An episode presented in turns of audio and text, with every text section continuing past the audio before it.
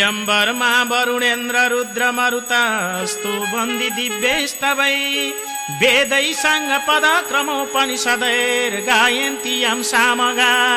ध्यानावस्थि तद्गतेन मनसा पश्यन्ति यं योगिनो। यस्यन्तं न विदुसुरासुरगणा देवाय तस्मै नमः।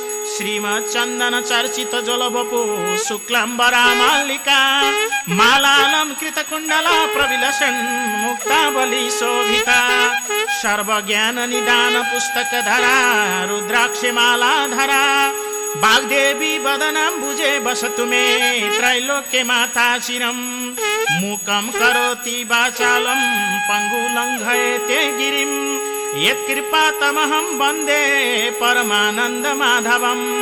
नमो भगवती तस्मै व्यवसायेमित तेजसे यस्य प्रसादादक्षमि नारायण कथामिमम्।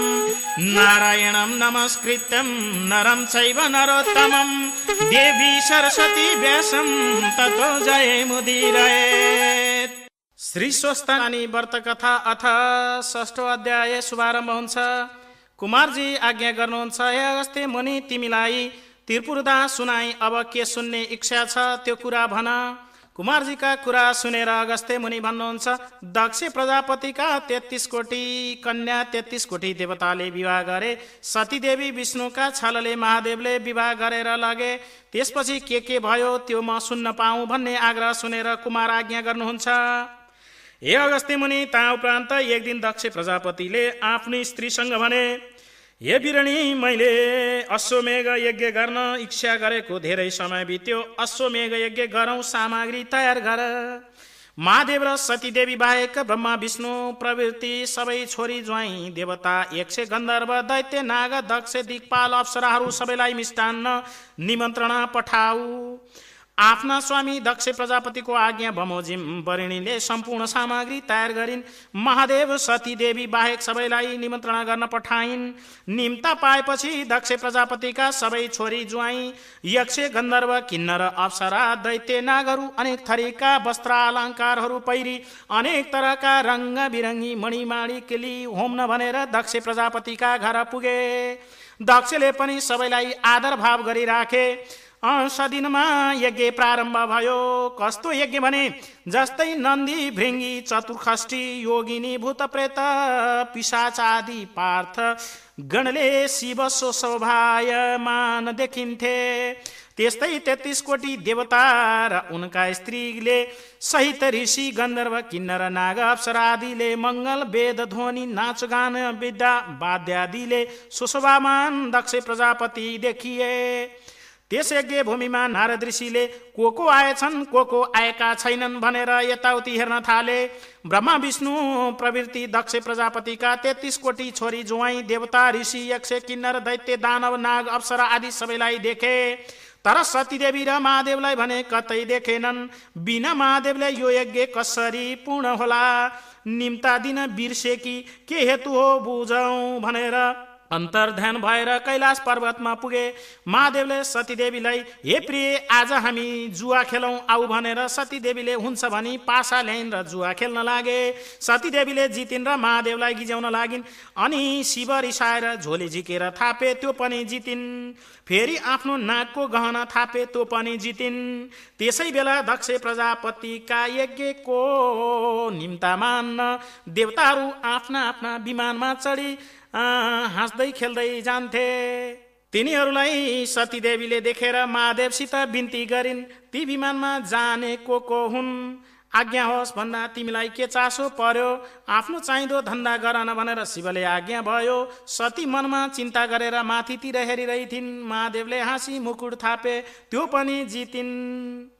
यसै गरी यसरी नै धेरै पटक हारेका महादेवले केही भन्न नसकी हाँसिरहे त्यसपछि सतीदेवीले भनिन् हजुरको सबै वस्तु मैले जितिसकेँ अब के थाप्नुहुन्छ? भन्दा महादेवले अब मेरो अङ्ग थाप्दछु भन्नुभयो। तब सतीदेवी भन्दछन् हे स्वामी हजुरका अङ्गको सट्टा कुन कुरो चढाउला? यो ब्रह्माण्ड संसारमा हजुरका अङ्गको साटो दिइने अर्को वस्तु केही छैन। फेरि हजुरको अङ्ग जुवा खेली जिती मेरो गराउनु पर्दैन किनभने जुन दिन मेरा पिता माताले तिलकुस राखी हात सुम्पेथे त्यसै दिनदेखि हजुरको अङ्ग मेरो र मेरो अङ्ग हजुरको भइसकेको छ। भने जुवा खेलेर जित्नु पर्दैन हजुरको शरीर मेरो मेरो शरीर हजुरको जस्तो स्नेहले भनेको वाक्यले महादेव साह्रै खुसी भएर खेलिसकी आनन्दपूर्वक मिठा मिठा कुरा गरिरहेका बखतमा नारद मुनि पुगेर प्रणाम गरी अञ्जली बाँधी उभिरहे। महादेव कस्ता भने जटाको मुकुट बनाई बाघको छाला लगाई हात्तीको छाला ओढी शरीरमा भस्मलेपन गरी सर्पको गहना लगाई मुण्डलमाला लगाई सतीदेवीलाई काखमा लिएर भूत प्रेत पिसाच आदि प्रथम गणद्वारमा राखी हजार सूर्यको जस्तो तेजले धपक्क बले जस्ता भएर बसेका महादेवलाई बारम्बार प्रणाम गरे। यसरी नारद ऋषिले भक्ति गरेको देखेर साह्रै खुसी भएर भन्नुभयो हे देवर्षे तिम्रो भक्तिदेखि म साह्रै खुसी भएँ। अब इच्छा जारी बिन्ती गरे। अब इच्छा लागेको वर माग यस्तो महादेवको वचन सुनेर हात जोरी बिन्ती गरे हे शङ्कर हे शिव अरू के वरदान मागु? हजुरको जप ध्यानमा मेरो मन रमाइरहोस् भने। महादेवले तथास्तु भनेर वरदान दिनुभयो। नारदजी हात जोडेर गाह्रो मानि उभिएकै थिए। यस्तो नारदको हाल देखेर महादेवले के भन्न आयो? भन भनेर भन्दा नारद भन्दछन् हे शङ्कर दक्ष प्रजापतिले यज्ञ गर्न लागेका छन्। त्यस यज्ञमा देवता दैत्य दानव यक्ष गन्धर्व नाग किन्नर अप्सरा दश दिक्पाल ब्रह्मा विष्णु र वशिष्ठ आदि सब ऋषि दक्ष प्रजापतिका तेत्तिस कोटी कन्या सबै आएका रहेछन्। मैले घुमेर यज्ञशालामा हेर्दा तपाईँ दुवैलाई देखिन। अरू सबै डाकिएकाहरू आफ्ना आफ्ना पति पत्नी भएर खाइपी खुसीले हिँडी डुलिरहेका छन्। यज्ञको भोक्ता फलदाता तपाईँलाई किन डाकेनन् भन्ने मेरो मनमा शङ्का उठ्यो र त्यही कुरा बिन्ती बिसाउन आएको हुँ। हे गौरी शङ्कर यसको के अर्थ हो? किन यस्तो भयो? कोही केही जान्न सकिन? नारदका यस्ता कुरा सुनेर सतीदेवीले मनमा दुःख मानेर श्री महादेवसित बिन्ती गरिन् हे जगदीश्वर नारायण आदि तेत्तिस कोटी देवता मेरा बहिनी ऋषि दैत्य नाग यक्ष गन्धर्व किन्न र दस दिक्पालहरूलाई डाक्दा हामी किन डाकिएनौ भन्ने कुराले पिर लाग्यो यसरी सतीदेवीले पिर मानेकी देखेर महादेवजी भन्नुहुन्छ हे सती तिमी कति पनि दुःख नमान किनभने तिमी नरुचाइकी छोरी मन मन नपरेको ज्वाइँ डाकेनन् भनेर के भयो त यस्तो जाबो कुरामा अपमान गरे भनेर दिक्क हुनु हुँदैन म तिम्रो छँदैछु त्यस यज्ञमा गएर के पाउनु छ? नगएमा के हानि होला भनेर अनेक तरहले शिव भगवान्ले बिउ बुझाउँदा पनि नमानी त्यस्तो आज्ञा नहोस्। मलाई यज्ञ हेर्नको साह्रै इच्छा लागेको छ। आज्ञा पाए नारदका साथ गएर एकपटक हेरेर चरणको दर्शन गरेर आउँछु भनेर साह्रै ढिपी गर्दै महादेवको पाउमा परेर आज्ञा पाऊ भनिन्। महादेवले भन्नुभयो हे प्रिय सती यस्तो ठहट नगर किनभने तिमी आफ्नो मनमा रहे कि उहाँ अपमान होला जाने कुरा नगर। यसरी अनेक तरहले बारम्बार बुझाउँदा पनि नमानी स्त्री हटलाई समाएर कैलाशदेखि नारदका साथ लागि दक्ष प्रजापतिको यज्ञ भइरहेका ठाउँमा पुगिन्। आफ्ना पिता माता दक्ष प्रजापति बिरणीलाई ढोगी बहुतै चित्त दुखाई आँखाबाट मोती जस्तो आँसु खसाल्दै यस्तो मङ्गल वचन बोलिन् हे पिता माता म तपाईँहरूकी छोरी होइन कि मैले के विराम गरेँ? मेरा स्वामीले तपाईँहरूको के विराम वा अपराध गर्नुभयो? ब्रह्मा विष्णु तेत्तिस कोटी देवता ऋषि मुनि यक्ष गन्धर्व किन्नर नाग दश दिक्पाल अप्सरा सबै डाकिए हामी दम्पतिलाई मात्र किन छुटाउनु भयो? फेरि यज्ञको कर्ता महादेव हुनुहुन्छ। शङ्कर नभएको यज्ञ कसरी पूर्ण होला? अथवा यस ब्रह्माण्डमा अर्को पनि शङ्कर छन् कि यज्ञको फलदाता सृष्टि स्थिति सङ्हारकर्ता महादेव नै होइ बक्सिन्छ। हे पिता महादेव नभएको यज्ञ गर्दा धर्म हुने छैन। अत अहिले नै शङ्कर भगवान्लाई डाक्न पठाउनुहोस्। अनि मात्र यज्ञ पुरा हुनेछ। हे माता पिता मलाई नडाकेको के कारण हो? यी सबै वृत्तान्त सुन्न पाऊ। यस्तो सतीदेवीको कुरा सुनेर दक्ष प्रजापति भन्दछन् हे छोरी तेरो पति महादेव यो शुभ यज्ञमा निम्ता पाउने योग्य छैन।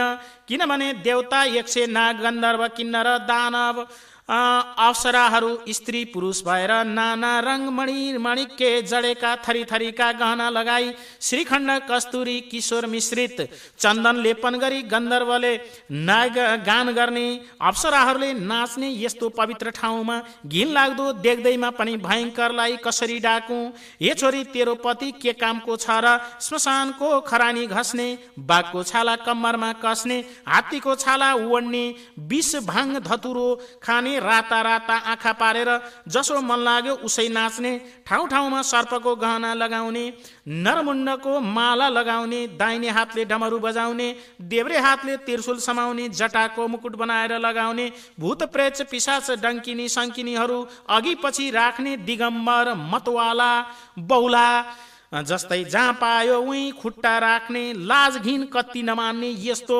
यहाँ भने देवकन्या नागकन्या किन्नर कन्या यक्ष कन्या र तेह्र बहिनी सबै र तेत्तिस कोटी देवताले भरिभराउ भएको। यस्तो शुद्ध पवित्र ठाउँमा कसरी देख्नै साथ घिन लाग्दो महादेवलाई डाकु हे पुत्री? यसै उसले नडाकेको हो त तँलाई मात्र डाकु भने ऊ समेत आउला कि भन्ने मनमा शङ्का उठेर तँलाई मात्र नडाकेको हो? त दुःख नमान हे छोरी तैँले मेरो सेवा पनि गरेको हो अपराध पनि आजसम्म केही गरेको छैन। तेरो स्वामी त्यस्तै हुनाले तँलाई डाक्न नसकेको हो। फेरि सृष्टि स्थिति कर्ता महादेव हुन्। यज्ञको फलदाता पनि उनै हुन्। भनेकोमा यज्ञका मालिक नारायण विष्णु हुन्। सृष्टि गर्ने चतुर्मुख ब्रह्मा हुन्। संहारकर्ता नारायण विष्णु हुन्। तेरो महादेव त बौला हो। तेरो स्वामीलाई नडाकेर मेरो यज्ञ कसरी अशुद्ध होला? यहाँ ब्रह्मा विष्णु इत्यादि सबै देवता दैत्य दानव स्त्री पुरुष बसेको ठाउँमा तेरो स्वामी महादेवलाई त कस्तै केही भए पनि म डाक्ने होइन। त्यसैले मेरा यज्ञमा के वर देला? त्यो नभई के मेरो यज्ञ पूर्ण हुनेछ? ब्रह्मा विष्णु सम्पूर्ण देवता ऋषि मुनिहरू सम्पूर्ण सम्पूर्ण देवताहरू आएका छन् भनेर दक्ष प्रजापतिले आफ्ना स्वामी जगदीश्वर श्री महादेवको क्षुद्र वचनले निन्दा गरेको सुनि। त्यसको पिर सहन नसकी राता राता आँखा पारेर नागिनीले लामो सास फेरे झैँ सास फेरि सुस्केर हाल्दै रिसले दारा किटी जुरुक्कै उठेर भूमिमा लात्ताले हानिन्द्र यज्ञ कुण्डको प्रदक्षिणा गरेर छातीमा मुर्कीले हानी कसैको मुख नहेरी शिव शिव भन्दै यज्ञ कुण्डमा फाल हालेर प्राण त्याग गरी हिमालय पर्वतकी स्त्री मेनकाका गर्भमा बास लिन गइन्। इति श्री स्कन्द पुराणे केदार खण्डे माघ महात्मे कुमार अगस्ते सम्वादे श्री स्वस्तानी व्रत कथायं सती देवी दक्ष यज्ञ कुण्ड प्रवेशो नाम षष्ठो अध्याय स्वाहा। उपनयतु मङ्गलम सकल जगन मङ्गलालय श्रीमान दीनकर किरण निबोधित नवनलिन दल निवेक्षण कृष्ण। काले वर्षन्तु पर्जन्ये पृथिवी सस्यशालिनी देशोऽयं छोवराहितो ब्राह्मण सन्तु निर्भया।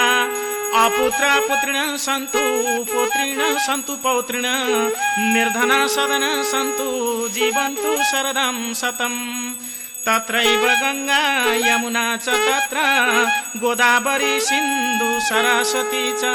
तीर्थानि सर्वाणि वसन्ति तत्र यत्राच्युत्योदार कथा प्रसङ्ग। या कुन्देन्तु तुषारहार धवला या शुभ्रभ्रष्टावृता या वीणा वरदण्ड मण्डितकरा या श्वेत पद्मासना या ब्रह्माच्युत शङ्कर प्रभृतिभिर्देवै सदा वन्दिता सा मां पातु सरस्वती भगवती निशेष जाड्यां